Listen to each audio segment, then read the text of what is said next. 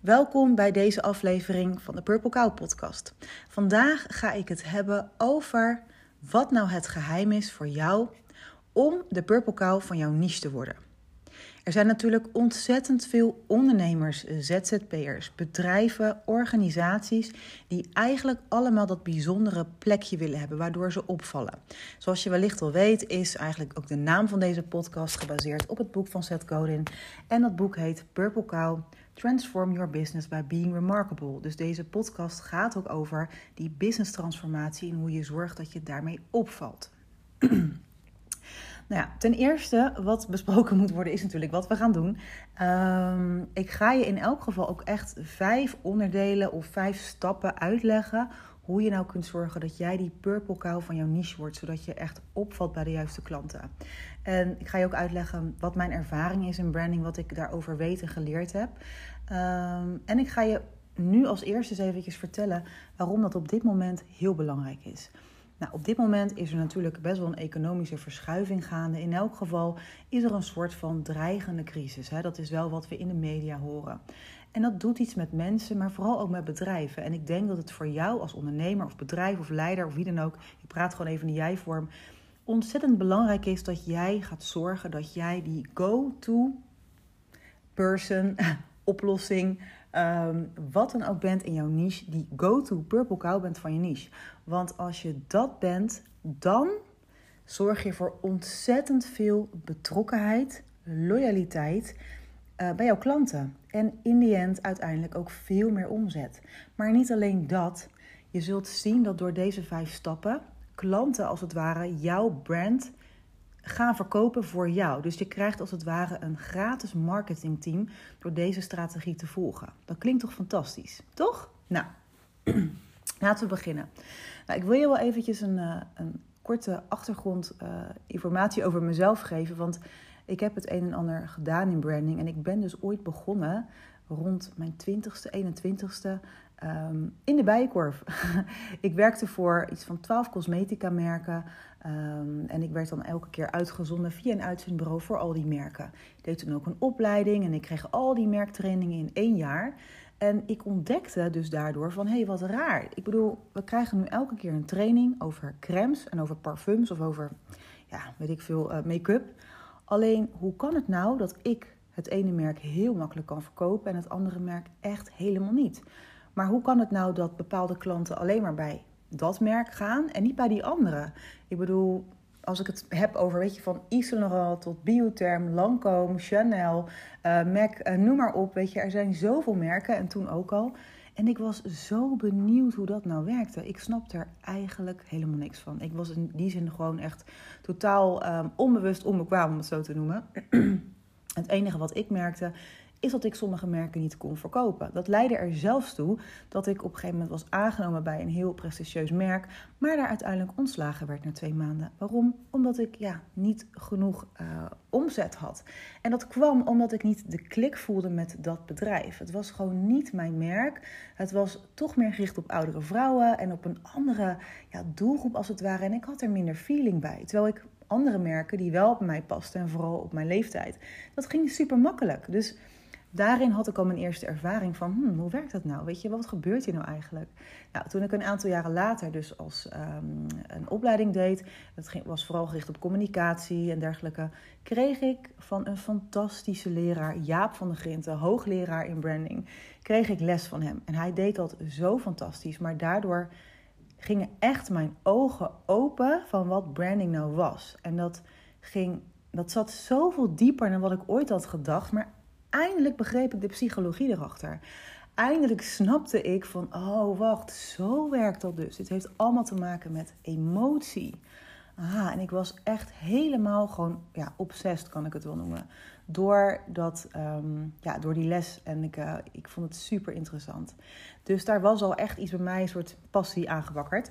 En aan het einde van die uh, communicatieopleiding deed ik ook een onderzoek naar bijvoorbeeld Hotel Stroom, was dat toen hier in Rotterdam, uh, over hoe zij dan eigenlijk uh, meer uh, klanten kon krijgen door mond-to-mond reclame en ook gelijk in lijn met social media. Nou, dit is zeker tien jaar geleden, dus je kunt je voorstellen, in die tijd was het nog niet zo populair. Maar wat ontdekte ik daar nou? Ik heb natuurlijk een onderzoek gedaan naar vergelijkbare bedrijven en ik heb vooral onderzocht ook hoe dat nou bij Starbucks werkte. Nou, Starbucks, zoals je weet, verkoopt in principe gewoon koffie. Alleen Starbucks, dat is het mooie van Starbucks, verkoopt geen koffie. En omdat zij veel meer verkopen dan koffie en de juiste emotie weten te triggeren bij hun klanten, ehm, betalen mensen veel meer geld voor dat product en hebben ze ook een hele positieve klantervaring. En wat is nou het geheim van zo'n merk? Het geheim van uh, Starbucks bijvoorbeeld is dat zijn, hun hele strategie is aangepast vanuit hun branding. Dus hun branding bepaalt alles wat ze doen. Elke beslissing die ze nemen, uh, elke werknemer die ze aannemen. Ook werknemers konden heel makkelijk aandelen krijgen in het bedrijf. Ze gaven heel veel trainingen weg. En je zag echt dat ze van boven aan de top tot en met beneden tot naar hun klanten toe zo'n eenduidige strategie hebben. Dat voor de klant is dat gewoon ontzettend voelbaar. En dat noem je ook wel brand alignment. Dus dat betekent dat je daardoor veel meer betrokkenheid, loyaliteit krijgt van klanten. Uh, en maar ook je omzet omhoog gaat. En je dus ook uiteindelijk veel meer geld kan vragen voor je product. Ook al verkoop je alleen maar koffie. Dus zij wisten exact bij alles wat ze deden welk gevoel ze wilden opwekken. En dat, dat straalde ze echt van boven naar beneden uit. Nou, dus dat is even mijn ervaring uh, met branding. En een kort intro ook van hoe dat nou precies kan werken. Het is hetzelfde natuurlijk als bij Nike. Nike verkoopt, ja, sorry dat ik het zeg, maar sportschoenen en sportkleding. En natuurlijk nog veel meer. Alleen omdat Nike zo'n goede branding heeft, willen we daar heel veel geld voor betalen. Het geeft een bepaald gevoel en dat is de kracht van die branding. Snap je? Dat vind ik er zo mooi aan. Dus um, ja, ook dit helpt ons ook in uh, economisch mindere tijden om klanten aan ons te binden. We zijn te snel geneigd om te denken dat klanten alleen maar uh, gaan voor, voor minder geld of een goedkope prijs. Maar dat is niet zo. Er is een heel groot gedeelte van mensen die altijd meer geld wil betalen voor een merk waarbij ze echt een gevoel hebben. Dus ja, weet je, kijk maar eens naar jezelf. Zelfs in de supermarkt zijn er bepaalde merken waar jij altijd denkt van ja, ik neem toch liever deze, want dat geeft je een gevoel van vertrouwen. Snap je? Dus ja, het is zo belangrijk om dit eventjes vooraf te vertellen. Nou, ik ga je dus nu eigenlijk vijf stappen uitleggen hoe je dus van internal branding naar external branding, als het ware, die purple cow van jouw niche kunt worden. En um, of dat nog kunt verbeteren, waardoor je dus ook in deze tijd die klanten echt aan jou kunt binden. En waardoor je dus echt op die lange strategie, um, uh, ja, lange termijn strategie gaat zitten. Want dat is zo super belangrijk. Oké, nou, dan gaan we beginnen. Ik heb hier als eerste punt opgeschreven zelfkennis. Nou, dat klinkt natuurlijk heel erg persoonlijk. En dat kan ook echt zo werken als jij gewoon een ondernemer bent, weet je. Maar ook bij bedrijven zie ik het gebeuren dat bedrijven, ook bijvoorbeeld de kleinere bedrijven waar ik het voor over heb, niet exact weten waar hun echte kracht in zit. Weet je wel, het, het echte zelfkennis is de kracht van elk succesvol merk. Denk ook aan een personal brand zoals Oprah Winfrey um, of Gary Vaynerchuk. Weet je wel, die weten gewoon exact wie ze zijn, waar ze voor staan en wat ze doen. En daarbij is het belangrijk ook als brand, zoals een Starbucks of um, een Nike, dat je weet aan welk plaatje jij wil bijdragen. Wat groter is dan jijzelf en wat veel groter is dan alleen maar omzet. Want dat zorgt ervoor dat jouw brand veel meer diepte krijgt. En daardoor kun je veel makkelijker de emotie raken bij jouw klanten. Dus um, weet je, op persoonlijk vlak vind ik bijvoorbeeld Human Design zo'n fantastische tool voor ondernemers. Omdat ik ze dan direct echt laat zien op het allerdiepste level. Gewoon van wie je in essentie bent. En bijvoorbeeld bij mij is een van mijn kernwaarden ook echt die die diepgang. En dat is dus ook bij alles wat ik doe, is het diep transformerend. Maar omdat ik dat weet, zeg maar, geeft dat mijn brand als personal brand expert of brand expert een ander uh, gevoel dan dat een andere personal brand expert dat ze hebben. Dus bij mij zul je nooit geen oppervlakkigheden vinden, want het, het past gewoon niet bij wie ik ben. Dus hoe beter je dat weet, hoe makkelijker je dat ook eigenlijk naar buiten toe kunt brengen. En hoe bijzonderder jij ook bent, zeg maar. Snap je? Dus ja, het is zo zonde om alleen maar in de oppervlakkigheid te blijven. Zelfs als je producten verkoopt die bijvoorbeeld uh, onwijs veel joy geven en plezier geven en luxe. Toch doe je dat altijd wel ook vanuit iets vanuit jezelf, zeg maar. Want je wil toch bijdragen aan iets. Het is gewoon heel belangrijk dat je dat weet, um, wat jouw kracht daarin is en waarom je dat wil doen. Nou, dan gaan we door naar punt 2. En ik heb opgeschreven Trendwatcher. En dat vind ik vooral voor nu, voor deze tijd, heel erg interessant. Want um, het is natuurlijk heel belangrijk om ten eerste te weten van... hé, hey, waarin blink ik nou echt uit? Of uh, waarin blinken wij uit? En waar verlangt die klant ten diepste naar? Zelfs als het een super um, oppervlakkig of nou, vrolijk product is of een luxe product. Want weet je, dat, dit weten mensen vaak niet. Juist in tijden van crisis hebben mensen verlangens voor producten die hun leven aangenamer maken, prettiger maken, leuker maken. Ik heb zelfs ontdekt dat bijvoorbeeld in de crisis van de jaren 30 dat de luxe merken enorm zijn gestegen in omzet en in winst. Dus dat geeft maar aan, mensen hebben nog steeds behoefte aan prachtige producten. Dus daarom zeg ik ook altijd van, ja, ga niet per se je prijzen omlaag doen, doe dat niet. Maar ga nog eens een keer onderzoeken van, hé, hey, wat zijn de trends? Word trendwatcher. Wat kan ik de komende tijd verwachten op korte termijn? Maar wat kan ik ook in de komende jaren verwachten? Dat kun je doen door gewoon te onderzoeken. Er zijn heel veel onderzoeken ook naar gedaan. Die kun je gewoon vinden. Ook je eigen intuïtie kan je er erg bij helpen. Uh, maar ook in gesprek gaan met bestaande klanten of met potentiële klanten kan je daarbij helpen. Want als je dat niet doet, ja, dan uh, blijf je als het ware achter, zeg maar. Weet je, het is belangrijk om te kunnen schakelen en um, daarbij ook trouw te zijn aan jouw eigen missie en visie, snap je? Dus ja, het is belangrijk om um, dat fundament duidelijk te hebben sowieso, maar ook die flexibiliteit om je aan te passen aan veranderingen, dat helpt je ook als merk om daarop in te spelen. Dus vanuit dat onderzoek kun je dus echt gaan afvragen van waar is nu behoefte aan? Wat is nu het allerbelangrijkste voor mijn klanten? En wat heb ik nu in huis om dit te vervullen? Dus wees niet bang om die conversatie aan te gaan. Doe dit vooral. En je zult echt hele mooie dingen gaan ontdekken die je nu meteen meer omzet geven. Maar ook zet je jezelf in de kijker bij die klant. Omdat jij blijkbaar iets hebt wat ze nu precies nodig hadden. En het helpt jou weer om die purple cow voor jouw niche te worden. En dat wil je natuurlijk heel graag. Ja? Daarbij nog even wil ik nog zeggen dat onderzoek, wat mensen vaak niet doen, ook kleine bedrijven niet, helpt je om echt duizenden euro's te besparen als je een ondernemer bent, maar misschien ook wel miljoenen bij een organisatie. Het is zonde dat we die kans laten liggen. Onderzoek het ook echt. Ja? Nou, dan kom ik aan bij punt 3 en er staat bij: creëer een uitzonderlijke ervaring voor je klant. Uh, je kent de slogan wellicht wel: sell them what they want, give them what they need. Dus hè, vanuit ditgene wat je zeg maar ontdekt hebt, kun je iets aanbieden aan je klanten waar ze nu echt onwijs op zitten te springen. Echt een product waarvan ze denken, ja, dat heb ik nu nodig. Um, als je je product niet kunt veranderen, kun je ook altijd kijken om het anders in de markt te zetten. Dan kom je bij punt 4 zo meteen uit. Maar in elk geval moet je dus nog beter weten wat de diepste geheimen van je klant zijn en weer op zoek gaan naar de sweet spot. Je zult dit woord bij mij talloze keren gaan horen in elke podcast of wat ik dan ook doe of training. Uh, maar dit is voor mij een van de belangrijkste dingen. Want als je niet de sweet spot hebt, en de sweet spot, even kort gezegd, betekent aan de ene kant die kennis, de expertise die je in huis hebt als ondernemer of als bedrijf. En aan de andere kant uh, de diepste verlangens en behoeftes van jouw klant. Daarin, die overlap, is de sweet spot. Als je dat helder hebt, als je daarop inspeelt, dan verkoop je alles wat je doet zoveel malen makkelijker.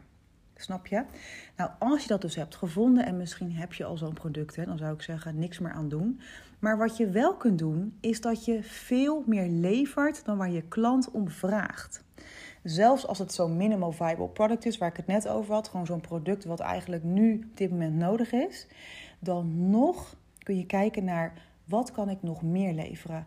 Uh, hoe zorg ik dat ik iets geef wat mijn klant totaal niet verwacht had? Hoe zorg ik dat ik het leven van mijn klant leuker maak, mooier, makkelijker? Hoe kan ik zorgen dat het minder tijd kost, of dat ze tijd besparen, of dat ze geld besparen? En waarom is dat nou zo belangrijk? Als je dit doet, dan geef je je klant die eigenlijk die um, uitzonderlijke ervaring en als zij echt heel tevreden zijn, dan kun je hun als een marketingteam zien. Maar wel een gratis marketingteam. Zoals ik dus ook heb ontdekt vanuit uh, dat onderzoek bij uh, Starbucks. Bleek ook echt dat mensen, zeg maar, um, waarom hun zo succesvol waren, is dat zij door die brand alignment en die unieke klantervaring, die eigenlijk vanaf de top, zeg maar, helemaal tot beneden doorliep, dat er heel veel mond-op-mond reclame ontstond. En dat is de aller beste vorm en de meest betrouwbare vorm van marketing. Mensen geloven nog steeds vooral wat andere mensen doen of vinden. Kijk maar eens naar jezelf, hoeveel reviews je eerst leest. Ik moest pas ook wel lachen om mezelf. We gingen iets bestellen bij thuisbezorg.nl. Want we hadden trek in een Turkse pizza. Kan je wel eens hebben. en toch dacht ik, nou, die ene, zeg maar, Swarma tent, die heeft dan uh, duizend... Uh, uh, reviews, zeg maar. En die heeft 4,5 ster. En die andere heeft maar 300 sterren. En waarschijnlijk zit er echt geen verschil in smaak. Maar voor mijn gevoel had ik het idee van ja, dat is toch beter. Snap je? Dus je kijkt echt altijd toch naar die klantervaringen. Dus zo werkt het ook bij, bij jouw bedrijf. Als mensen jou gaan aanbevelen, als het ware. Dat is de aller, aller, allerbeste manier van marketing. Dus door die onvergetelijke uh, ervaring, zeg maar, gaan klanten dat voor jou doen. En wat ik dan ook zo belangrijk vind hieruit eigenlijk, is dat klanten die super tevreden zijn, die kopen later makkelijk nog een product. Nog makkelijker dan een nieuwe klant natuurlijk, want die kennen jou. En dat kan dus ook zo zijn dat je dus in de toekomst of misschien binnenkort al gaat kijken naar, wacht eens even, welke klanten heb ik? Welke klanten waren super tevreden? Zodat je kunt kijken naar wat hebben zij nu nodig? Hoe kan ik ze weer een volgende stap verder helpen met een nieuw product of een nieuwe dienst? Want ja, die mensen die zijn hartstikke warm. Het is zonde als je die kans niet benut. Vooral in deze tijd, zeg maar, kun je daarop inspelen. Wel vanuit echt de juiste intentie. Hè? Dus alleen maar als het ook echt past bij uh, wie je bent, wat je doet, wat je kan, waar je expertise zit. Maar ja, het is zo belangrijk, vind ik, om dus die langetermijnvisie uh, voor ogen te houden. Dus je wilt altijd aan een langdurige klantrelatie bouwen. En als dus die economie heel erg in zijn piek zit als het ware, dan zijn we geneigd om echt te denken van nou, ik ga gewoon op het snel verkopen, gaan, gaan, gaan. Terwijl ik denk van nee, dan zouden we juist moeten bouwen aan die langdurige klantrelatie, zodat we in mindere tijden alsnog dat vertrouwen en die betrokkenheid en de loyaliteit van die klanten hebben, zodat we daar altijd eigenlijk een soort stabiele basis mee hebben gecreëerd. Dus dat kun je nu alsnog doen, snap je? Dat is echt heel belangrijk. En daarom zeg ik ook heel vaak van, tegen mijn klanten van... Vraag niet een te lage prijs, onderscheid je nooit in prijs. Want als dan die markt minder wordt of mensen denken minder geld hebben, om het zo maar te zeggen. Um, ik noem het even meer de nieuwe economie. Klinkt beter dan crisis, vind ik. Ja, toch? Um, dan heb je kans, als je dus op prijs gaat zitten en je gaat je daar dus op focussen, dat in zo'n in zo'n nieuwe economieperiode, dat die mensen weg zijn. Want dat waren eigenlijk alleen maar koopjesjagers. Die wil je richten op klanten die echt betrokken bij jouw merk kunnen worden. En daar ga ik zo meteen nog wat dieper op in. Het probleem is ook, als jij je alleen maar richt op um, uh, ja, heel goedkoper, zeg maar, is dat je dan niet eigenlijk het extra uh, ruimte hebt om wat, wat meer te geven dan dat ze verwachten. Dus dan blijft het ook echt alleen maar bij dat ene dingetje wat je hebt aangeboden. Maar hoe mooi is het als je die klanten die je hebt zoveel meer kunt bieden dan wat ze eigenlijk dachten te krijgen? Ja, toch? Oké, nou dan gaan we door naar de volgende en het is de positionering. Nou, waarom dit belangrijk is, is omdat in principe, um, ondanks zo'n uitzonderlijke klantervaring, die natuurlijk uh, ontzettend belangrijk is, is bijna elk product of dienst is er al. Nou zou ik niet zeggen dat je zeker niet op zoek moet gaan naar een product wat er echt nog niet is. Want ik zou zeker zeggen, hey, word die Purple Cow, weet je wel. Of, maak een Purple Cow product, fantastisch. Maar als dat niet uh, 1, 2, 3 zomaar gedaan is, dan kun je nog iets anders doen.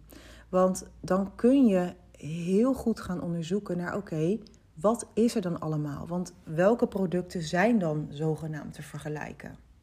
En dan kun je dus heel duidelijk gaan kiezen voor een hele heldere positionering. Die positionering zorgt ervoor dat jij op een andere manier gezien wordt. Maar die kies je dus wel zelf.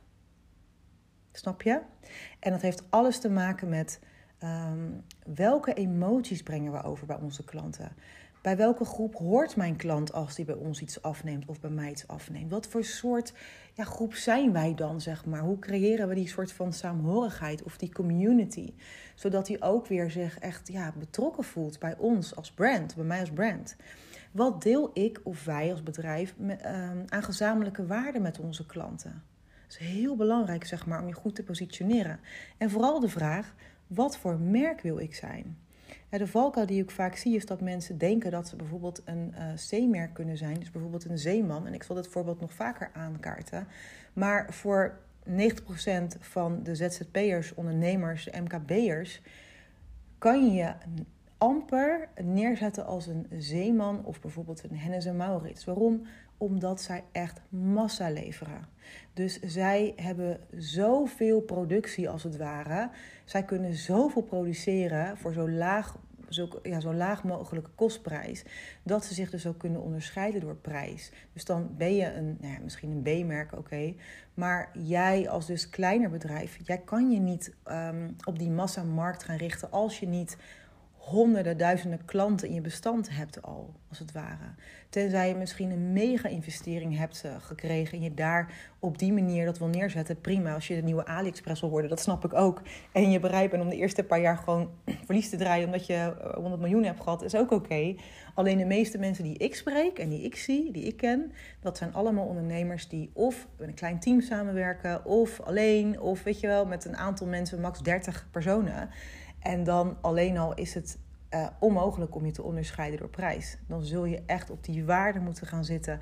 En je dus, dus echt moeten kijken naar waarin zijn wij, um, wat maakt ons uniek, waarin zijn wij beter, waar zit onze expertise, Ehm, hoe creëren we nou echt zo'n uitzonderlijke klantervaring? Hoe maken we mensen blij? Maar ook wat voor brand zijn we? En ik zou je adviseren om toch zo'n A-brand te worden. In elk geval zeker geen C-brand. Zodat je daarin ook die stabiliteit creëert ehm, voor jouw bedrijf.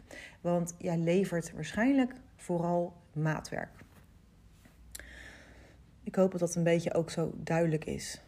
Dan gaan we even kijken. Ja, nou dan kom ik eigenlijk bij de laatste en dat is punt 5. Dat gaat over de, eh, tot slot zeg maar, het, ja, external branding gedeelte. Nou, er zijn ook al zou ik dit zeg maar, uh, dit onderwerp, hier kan ik nog uh, misschien 100 uur over praten, maar ik heb het wel geprobeerd om het echt in vijf onderdelen of vijf stappen te benoemen, zodat het een beetje overzichtelijk blijft. Nou, ik heb het nu dus over de external branding. Wat bedoel ik daar nou mee? Daarmee bedoel ik ten eerste je communicatie.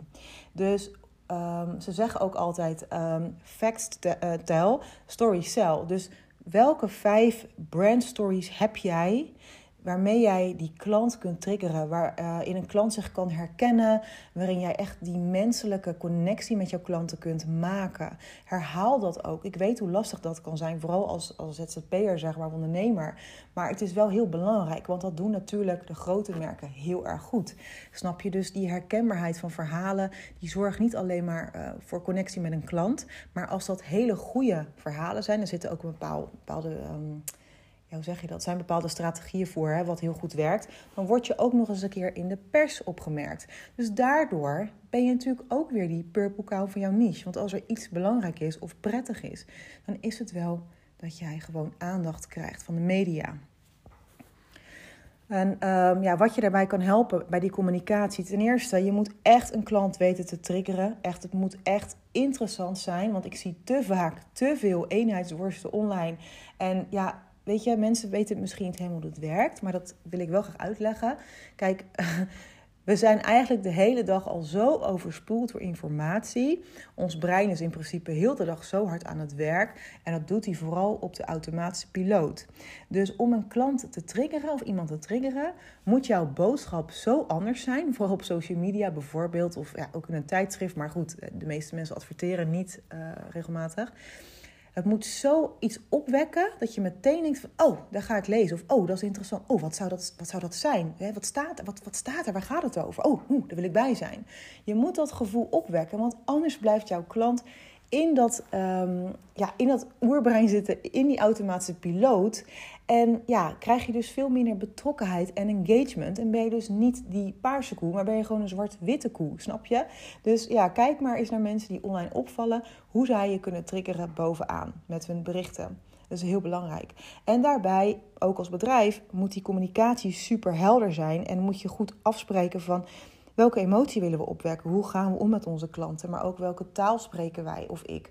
Uh, weet je, wat is herkenbaar, zeg maar? Weet je, constant moet dat weer terugkomen. Zodat je daar echt een, ja, die, die brand alignment kunt voelen als het ware als klant. Dat genereert ook weer die betrokkenheid. Dat gevoel van, oh ja, ik hoor ergens bij. Of weet je, dat is echt heel, heel belangrijk. Nou, brand stories heb ik natuurlijk ook al verteld. Ehm, en tot slot ook, en dat is ook wel iets wat heel veel uh, mensen laten liggen, is het, het design. Want ik weet nog ook heel goed dat inderdaad, um, dus die, um, die leraar die ik had, uh, Jaap van der Grinten, toen zei in een filmpje op RTL 7 van ja, hoe kleinere bedrijven zich kunnen onderscheiden, is uiteraard door design. Hij zegt ja, je moet toch iets verpakken, of je moet je product toch verpakken. En ik denk dan, jij moet toch een website maken, of je moet toch een social media eh, pagina maken. Zorg dan dat het in lijn is met waar je voor staat en wat je uitdraagt. En uh, hoe je over wil komen bij die klant. En wat weer bijdraagt aan een soort ja, uitzonderlijke klantervaring. Want ook daarmee kun je je ontzettend goed onderscheiden. En ik snap eerlijk gezegd niet zo heel goed waarom je dat niet zou doen als je toch iets moet maken.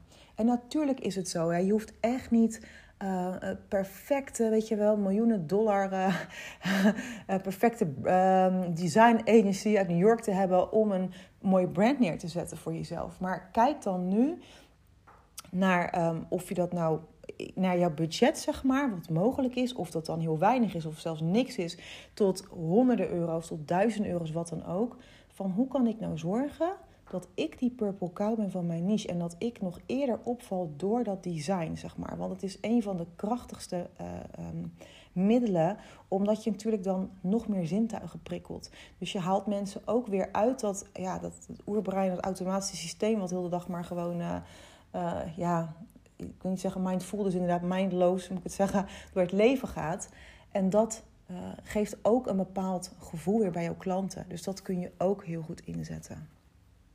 Je kunt jezelf hierdoor gewoon echt uh, op een hele andere manier namelijk onderscheiden van alle merken die dus vergelijkbare diensten of producten hebben. Ik weet nog heel goed bijvoorbeeld toen ik um, begon met mijn business coaching en dat had altijd met purpose coaching te maken, maar dat ik dacht oké, iedereen kiest natuurlijk groen en leuk en zeegroen, maar ik dacht van nee, ik kies echt voor knal, knal, knalkleuren. Omdat het echt staat voor mij, voor dat contrast waar ik ook voor sta. Van licht en donker. En dat stond zo voor mij. Maar dat viel wel direct heel erg op, zeg maar. En ik wil niet zeggen dat jij alleen maar dat soort felle kleuren moet gebruiken. Want dat moet echt passen bij wie je bent. En ik zou je ook zeker niet willen adviseren om, als jij een heel introvert, rustig persoon bent, of jij staat voor die stille kracht, weet je wel, om dat um, uh, op een schreeuwerige manier naar buiten te brengen. Helemaal niet. Kijk even naar Apple, weet je wel. Dat is een van mijn favoriete merken. Hoe slik is dat? Hoe simpel is dat? En die simpelheid, die is, dat, dat is waardoor wij mensen zo gek zijn op Apple. er zijn natuurlijk ook heel veel Apple-tegenstanders. Maar de mensen die van Apple, Apple houden, die echt van Apple houden, zoals ik, die zijn zo dol op dat design dus ook die simpelheid en die, ja, dat introverte, daarmee kun je jezelf ook ontzettend goed onderscheiden. Ook zelfs in het visuele aspect. En ook in het communicatieaspect. Als je maar weet wat dat is, zeg maar. Wat bij jou uniek is. Als het nou als mens is, als personal brand, als ondernemer, ZZP'er, bedrijf, MKB'er of organisatie. Ik geloof erin dat deze dingen allemaal bijdragen aan het worden van die purple cow van jouw niche. En het mooie daarvan is, naast dat je dus die betrokkenheid krijgt, die loyaliteit en al die dingen, dat je echt een duidelijk focuspunt hebt op een niet een massa uh, groep mensen, althans zo zie ik dat dan, maar wel een groep mensen die echt voor jou door het vuur gaat en waar je een levenslange connectie mee hebt. Hoe fijn is dat? Zodat je in elke uh, weet je wel, uh, conjunctuur of economie, laag of hoog, het maakt niet uit. Die klanten en jij, jullie supporten elkaar, jullie zijn er voor elkaar. En ik geloof erin dat je met dat echt zo'n mooie win-win-win kan creëren. Dat, dat, gun ik gewoon iedereen. Dus um, ja, bij deze.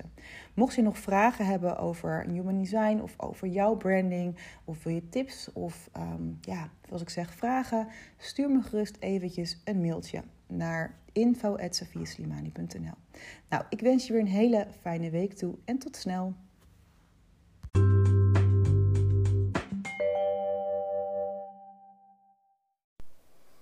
Ben hier net aangekomen vandaag op mijn, uh, mijn opleiding, mijn therapeutenopleiding voor uh, jeugd- en traumaprofessional.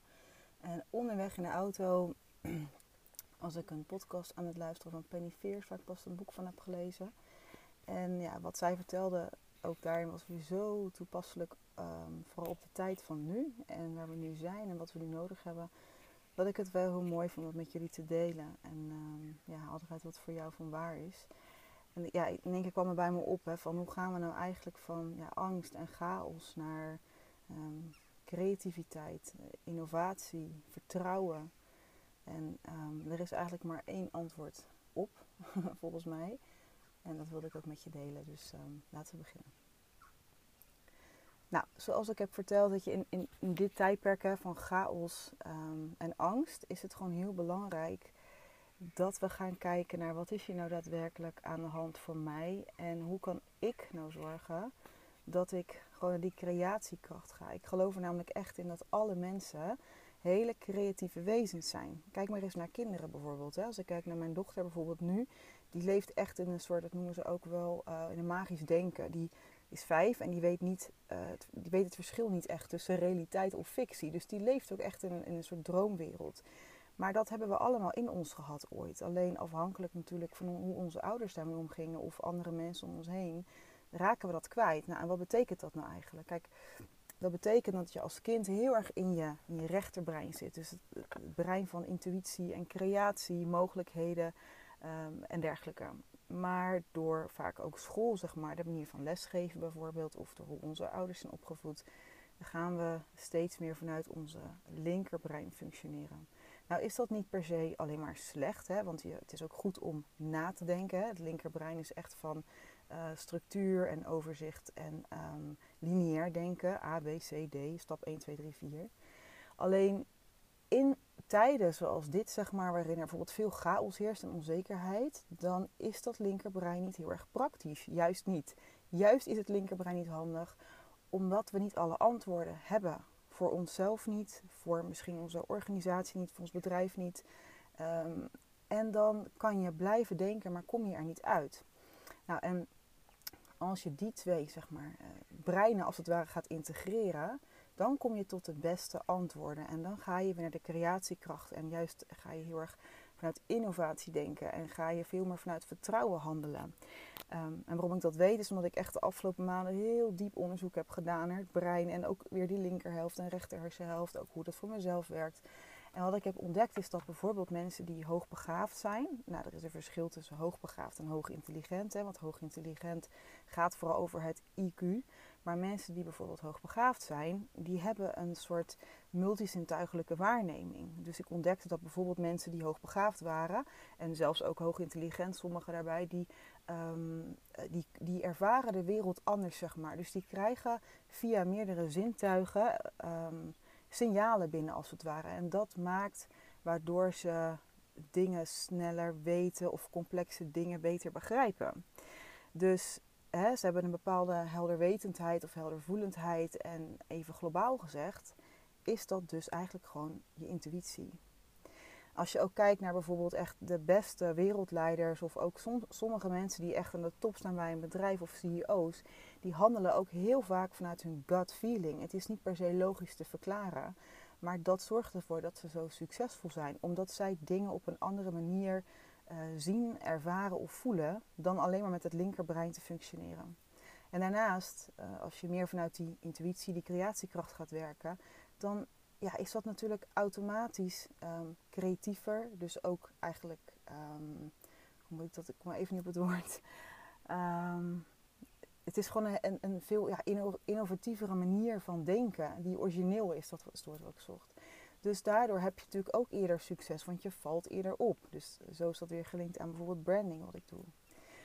Dus in deze tijd, als je naar uh, dat gevoel van creatie wil, innovatie, in plaats van angst en chaos, dan is het dus nodig dat je je intuïtie gaat inzetten.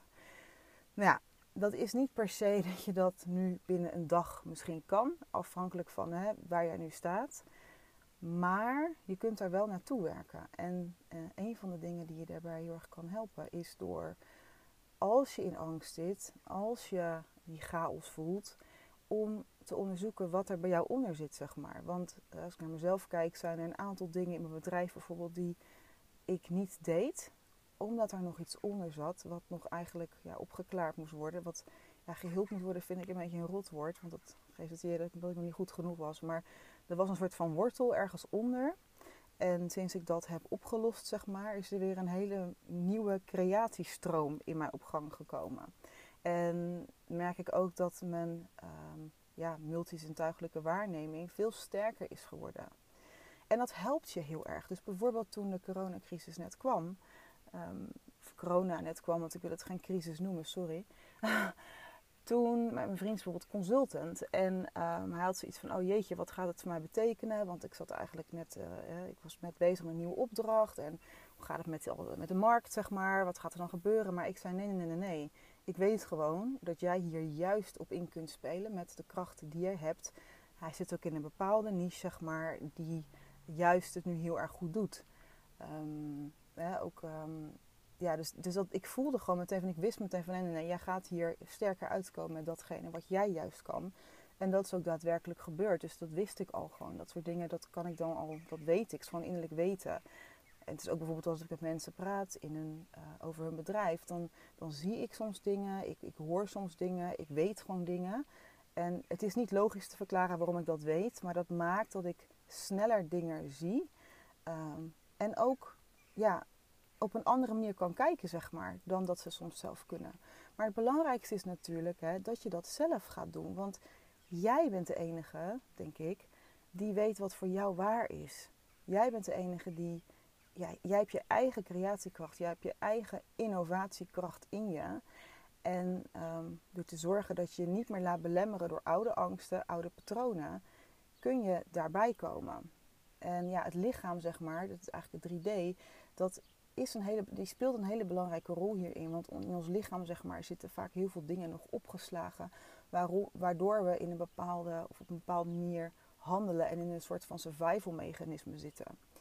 En ja, als we in dat survival mechanisme zitten, van vechten, vluchten, bevriezen, dan kom je heel moeilijk bij de creatie. Want dan ben je gewoon aan het overleven als het ware. En dat is iets wat we dan vaak al echt vanaf jeugd of aan doen bijvoorbeeld. Omdat het, toen ons, omdat het ons toen heeft geholpen.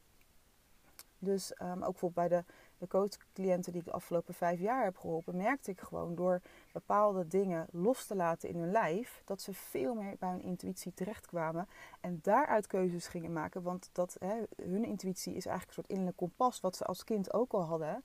En daardoor werd hun leven veel makkelijker en fijner. En ja, dan sta je veel meer in je kracht. Dan doe je veel meer wat voor jou ook echt de bedoeling is. Want even eerlijk gezegd, hè, allermoeilijkste volgens mij voor mensen is om de goede keuzes te maken. We worden natuurlijk overladen met informatie en mogelijkheden vandaag de dag. Maar hoe kies jij nou wat voor jou het beste is? Ik denk dat daar de grootste kracht ligt. En um, ook vanuit alle ideeën die we kunnen hebben, alle mogelijkheden. Hoe voel je nou van ja, maar dit is het nu voor mij? In plaats van je te laten leiden door je linkerbrein die zegt ja, maar dit is misschien goed voor je, dat zou je moeten doen. Um, al die dingen. Dus als jij um, ja, eigenlijk dat angst en dat chaos zeg maar gaat oplossen, dan kom je veel makkelijker bij je intuïtie. Nou is het echt niet per se zo dat je dan altijd maar in therapie moet gaan jarenlang. Dat, dat geloof ik ook niet. Hè? Ondanks dat ik zelf een opleiding doe voor jeugdtraumaprofessional. Is dat niet voor iedereen nodig? Dat denk ik ook niet. Je kunt op heel veel manieren kun je zeg maar zo'n uh, shift maken. Dus dat kan ook door echt te gaan kijken naar wie je als kind was en wat voor talenten je had, zeg maar. Het magische kind in ons is een van die mogelijkheden. Um, je kunt ook ja, bepaalde visualisaties gaan doen, of meditaties gaan doen, of meer rust nemen. Of, er zijn heel veel mogelijkheden, dat is dus ook weer afhankelijk van wie jij bent, waardoor je bij die cre creatiekracht, innovatie uh, kunt komen. En dat geeft je uiteindelijk heel veel meer vertrouwen uh, in de wereld en ook veel meer zelfvertrouwen. Dat is natuurlijk ook heel belangrijk. En het is zo belangrijk, denk ik, om juist nu uh, te kiezen voor jouw eigen uh, waarheid en jouw, echt jouw intuïtie te volgen. Want anders ga je gek worden van alles wat er om je heen gebeurt. Wat mensen zeggen, wat mensen vinden, ehm, hoe zij met dingen omgaan. En ehm, ja, ik heb bijvoorbeeld ook een heel mooi voorbeeld. Ik, ik, ken iemand die als net een hele mooie zaak begon in Rotterdam, een restaurant. Echt een super fantastische tent. Um, en het was, hij was net begonnen daarmee, zeg maar. Echt uh, super bijzonder concept was het ook. Echt een brand dat je denkt van wauw, ik ben echt helemaal fan van ook. Maar die ondernemer die was, die was met mij aan het praten over ja, allemaal uh, geld wat hij moest betalen en dergelijke. En toen zei ik maar, waarom vertel jij dit nu? Want je vertelt net alle ideeën die je hebt. Jouw hoofd loopt over van de goede, fantastische ideeën. Dus waarom praat je elke keer over dat tekort wat je hebt? Hij zegt ja, omdat al die mensen dan in de horeca, zeg maar, zo zeggen van oh, zo een beetje zwaar hè. En uh, oh jeetje, dit is wel echt moeilijk hè. En dan moeten we al met z'n allen, hoe gaan we dit nou doen? Maar hij zegt, ik voel dat helemaal niet zo. Maar toch ga ik mezelf dan een beetje aanpassen of zo. Ik zeg, nou, doe dat gewoon niet. Stop daarmee. Want hij zat helemaal in die creatiekracht. En gaat dan weer terug naar angst, zeg maar, en chaos door andere mensen om zich heen. En even eerlijk, in hoeverre draag je dan bij aan de wereld als je dat doet? Dus het is veel, ja, heel belangrijk om juist in jouw eigen energie te komen, in je eigen uh, kracht te staan, om je eigen creatiekracht te gebruiken. Want volgens mij maak je de wereld daar veel mooier mee. En hoeveel inspirerender ben je dan ook voor anderen, weet je? En hoe belangrijk is dat bijvoorbeeld ook voor het stuk branding wat je doet, zeg maar. Dus hè, ik, ik, zie bijvoorbeeld heel veel mensen die posten nu van alles over hè, alle conspiratietheorieën. En daar wil ik niet eens te diep op ingaan. Maar ik denk wel bij mezelf, ja, wat draag je bij op deze manier aan de wereld? Hoe zien andere mensen jou nu? En wat als dit over twee jaar allemaal anders blijkt te zijn? Is dat dan per se handig voor je brand of waar je voor staat? Wil je echt op die manier herinnerd worden? Ik wil vooral herinnerd worden om het verschil dat ik heb gemaakt. Of dat nou in het leven is van mijn kind of mijn vriend of uh, de mensen om me heen of mijn bedrijf. En daar focus ik me heel erg op, zeg maar. Mijn eigen creatiekracht. Wat kan ik doen?